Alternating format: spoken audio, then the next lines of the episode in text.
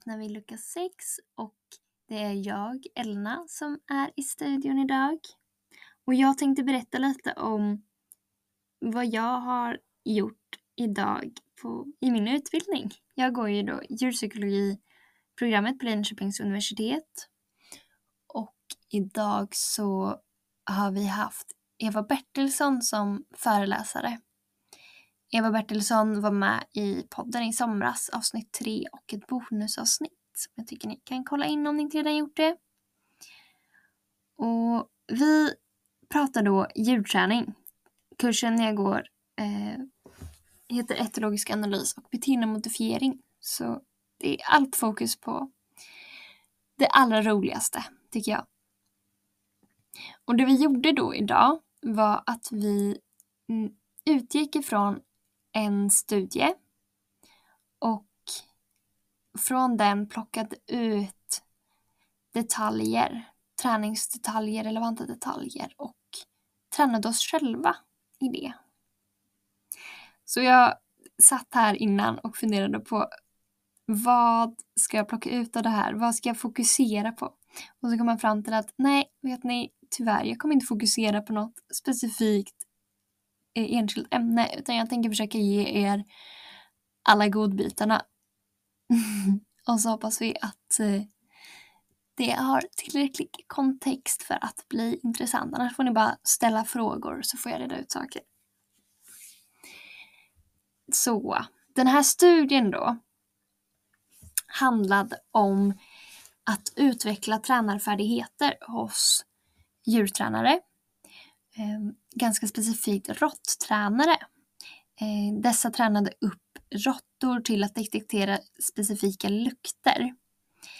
Um, så min, mitt första råd kommer redan nu och det är just att läs studier om andra arter. Läs om andra organisationer som gör med andra arter, andra tränare. Det finns så mycket, lyssna på poddar om andra arter. Det finns så mycket vi kan lära oss av hur andra jobbar. Ehm, även om det inte har med hästar specifikt att göra så finns det alltid detaljer att hitta.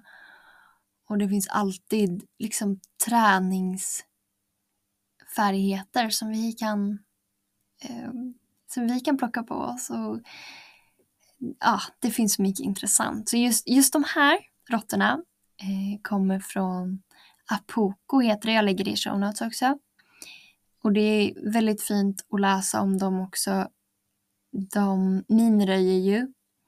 Men deras risk bedöms som extremt liten och det har aldrig hänt någonting med någon råtta när de har minröjt.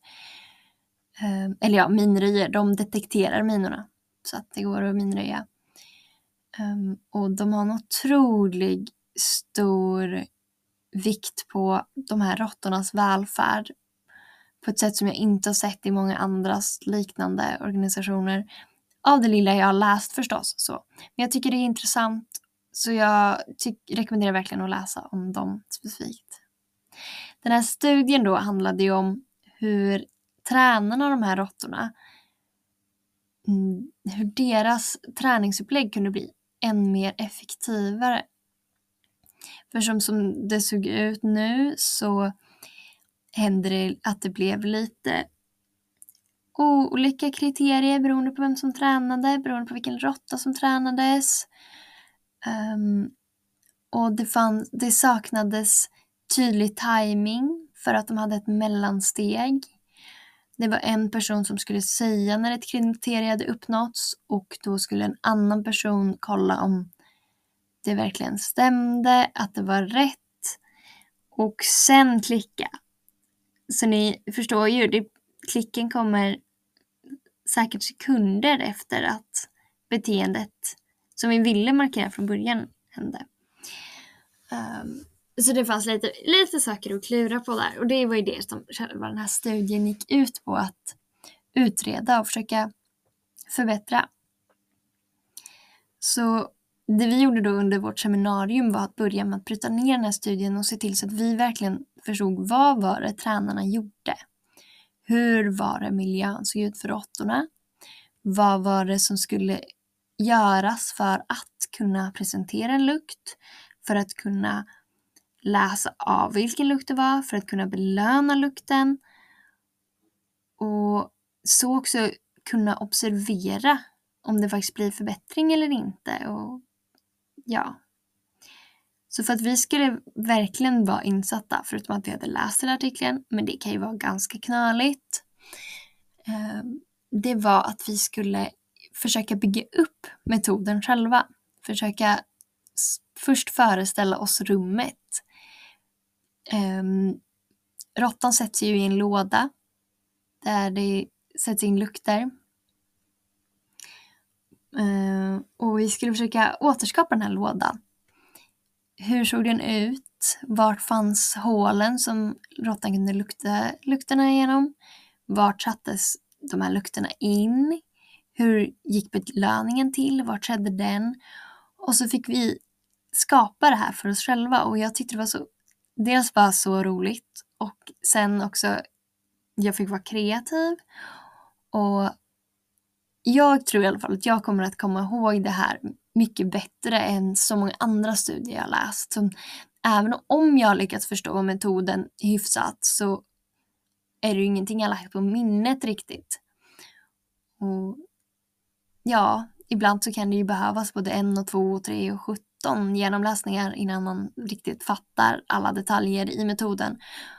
Så det här kan jag verkligen tipsa om ni är intresserade av att ta till er lite forskning är att försöka föreställa er hur kan jag återskapa eh, den här metoden om jag skulle göra det. Alltså i många fall så kanske man inte vill återskapa, men bara för att liksom ett tankeexperiment. Um, sen så eh, skulle vi också försöka återskapa själva görandet, eller i alla fall delar av görandet och försöka bryta ner vilka färdigheter var det som tränarna behövde ha från början innan de började göra förändringar så som de gjorde i studien. Vad var det för förändringar de gjorde eh, och varför blev det bättre? Och hur såg det ut efter att de hade gjort förändringarna? Så ett exempel då var att de här råttorna skulle visa att nu har jag hittat rätt lukt. Det gjorde de genom att de skulle hålla kvar nosen ovanför lukthålet utan att börja göra någonting annat i åtminstone tre sekunder. Så efter att de här tre sekunderna hade gått så sa eh, den ena personen då, tränare A, att nu, eller ja, då sa den siffran som stod på den, så fyra till exempel. Och då skulle tränare B kolla på en lista, se okej, okay, var fyra rätt lukt? Och om det var rätt lukt så kunde den klicka. Och då skulle tränare A börja ge eh, belöningen. Så ett, en grej här var ju då dels att de ska eh, vänta ut att det har gått tre sekunder. Och sen ska tränare A eh, säga siffran, läsa av rätt siffra, säga rätt siffra högt. Det ska höras till den andra personen, tränare B, som ska kunna hinna kolla på listan, hitta siffran, se är det rätt eller fel och klicka om det är rätt. Tränare A ska inte göra någonting under tiden, bara vänta helt neutralt. Och sen börja belöna om det kommer ett klick och inte om det inte kommer ett klick. Så otroligt många moment här. Eh, och små, små delar som vi kan bryta ner i. Och det är det här som är så intressant. Det här är ju så här, precis det här vi kan göra när vi pratar om vår hästträning också. Hur kan vi bryta ner exakt minsta lilla detalj vad vi gör? Så kan vi försöka förbättra det vi gör också. Och det handlar ju inte om att vi måste ha allting på detaljnivå och att allt måste sitta perfekt. Inte på något sätt det. Utan det handlar om att vi kan hitta ledtrådar till hur vi kan förbättra situationer som vi kanske fastnar lite i. Och vi kan effektivisera vår träning, vilket kan vara väldigt lönsamt i sammanhang där vi verkligen behöver få någonting tränat. till exempel verkning eller eh, ja. nu kommer jag inte på något annat beteende som är bra att ha. Eh, säkert på massa, massa beteenden. Så ni känner att det här är någonting jag behöver träna in för att vår vardag ska funka.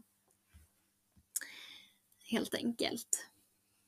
Så vad vi gjorde sen med det här också, när vi hade analyserat de här beteendena, så satte vi oss och tränade varandra. Eh, nu ser jag att jag har dragit på tiden redan, men jag tänker ändå säga det här lite kort och sen kommer det finnas med i show notes så ni kan läsa mer. Men det vi använde då var Portal, vilket är ett, lite som ett spel. Eh, så man får instruktioner till vad man ska göra. Och så får man det väldigt så här, nedbrytet till små delar till att börja med. När vi började med det här i början av kursen så var det bara att vi skulle hålla händerna stilla, klicka, ge belöning, sätta tillbaka händerna till stilla. Ingenting mer. Och så var vi därefter liksom byggt på, byggt på, byggt på. Så att vi nu kunde träna på att faktiskt hålla fram, antingen med någonting som visade att eh, den andra personen då som fick låtsas vara råtta skulle nosa, eller inte nosa, men sätta sin hand där gjorde vi istället. Eh, och att vi skulle invänta tre sekunder innan vi klickar och sen ger belöning. Alternativt om det inte går tre sekunder att ta bort handen och presentera på nytt. Eh, alternativt om vi inte har någonting där som den ska lukta på så ta bort handen och ja. Eh, en himla massa snurrigt blev det för min del. Eh, men så nyttigt att försöka bryta ner. Vad är det jag behöver? Så om vi tänker en hästsituation. Ehm, vad är det jag behöver när jag tränar in min häst att dutta på en target? Om jag behöver kunna hålla fram targeten. Jag behöver kunna klicka i rätt situation. Jag behöver kunna ta bort targeten igen på ett smidigt sätt och leverera min belöning. Jag behöver kunna sträcka fram godiset så att hästen kan ta det och sen eh, ta bort min hand igen och sträcka fram min target igen. Hur kan jag få allt det här att flyta? Och här är det så kul och så bra att ta hjälp av en annan människa och öva på varandra istället. För vi kan förklara för varandra och vi behöver inte bli frustrerade på ett sätt som kanske en häst kan bli. Ja, det var det jag hade för idag faktiskt. Så läs på om andra arter. Träna dig själv när du vill förbättra dig själv som tränare. Eh, bryt ner även dina beteenden i små, små, små delar. Precis som om du ska träna en häst att gå på transporten. Så bryter du ner det i att gå på konstiga underlag och lyssna på konstiga ljud och så innan du sätter ihop allting. Och om du läser forskning, försök att föreställa dig hur metoden skulle se ut om du skulle göra det också. Ja.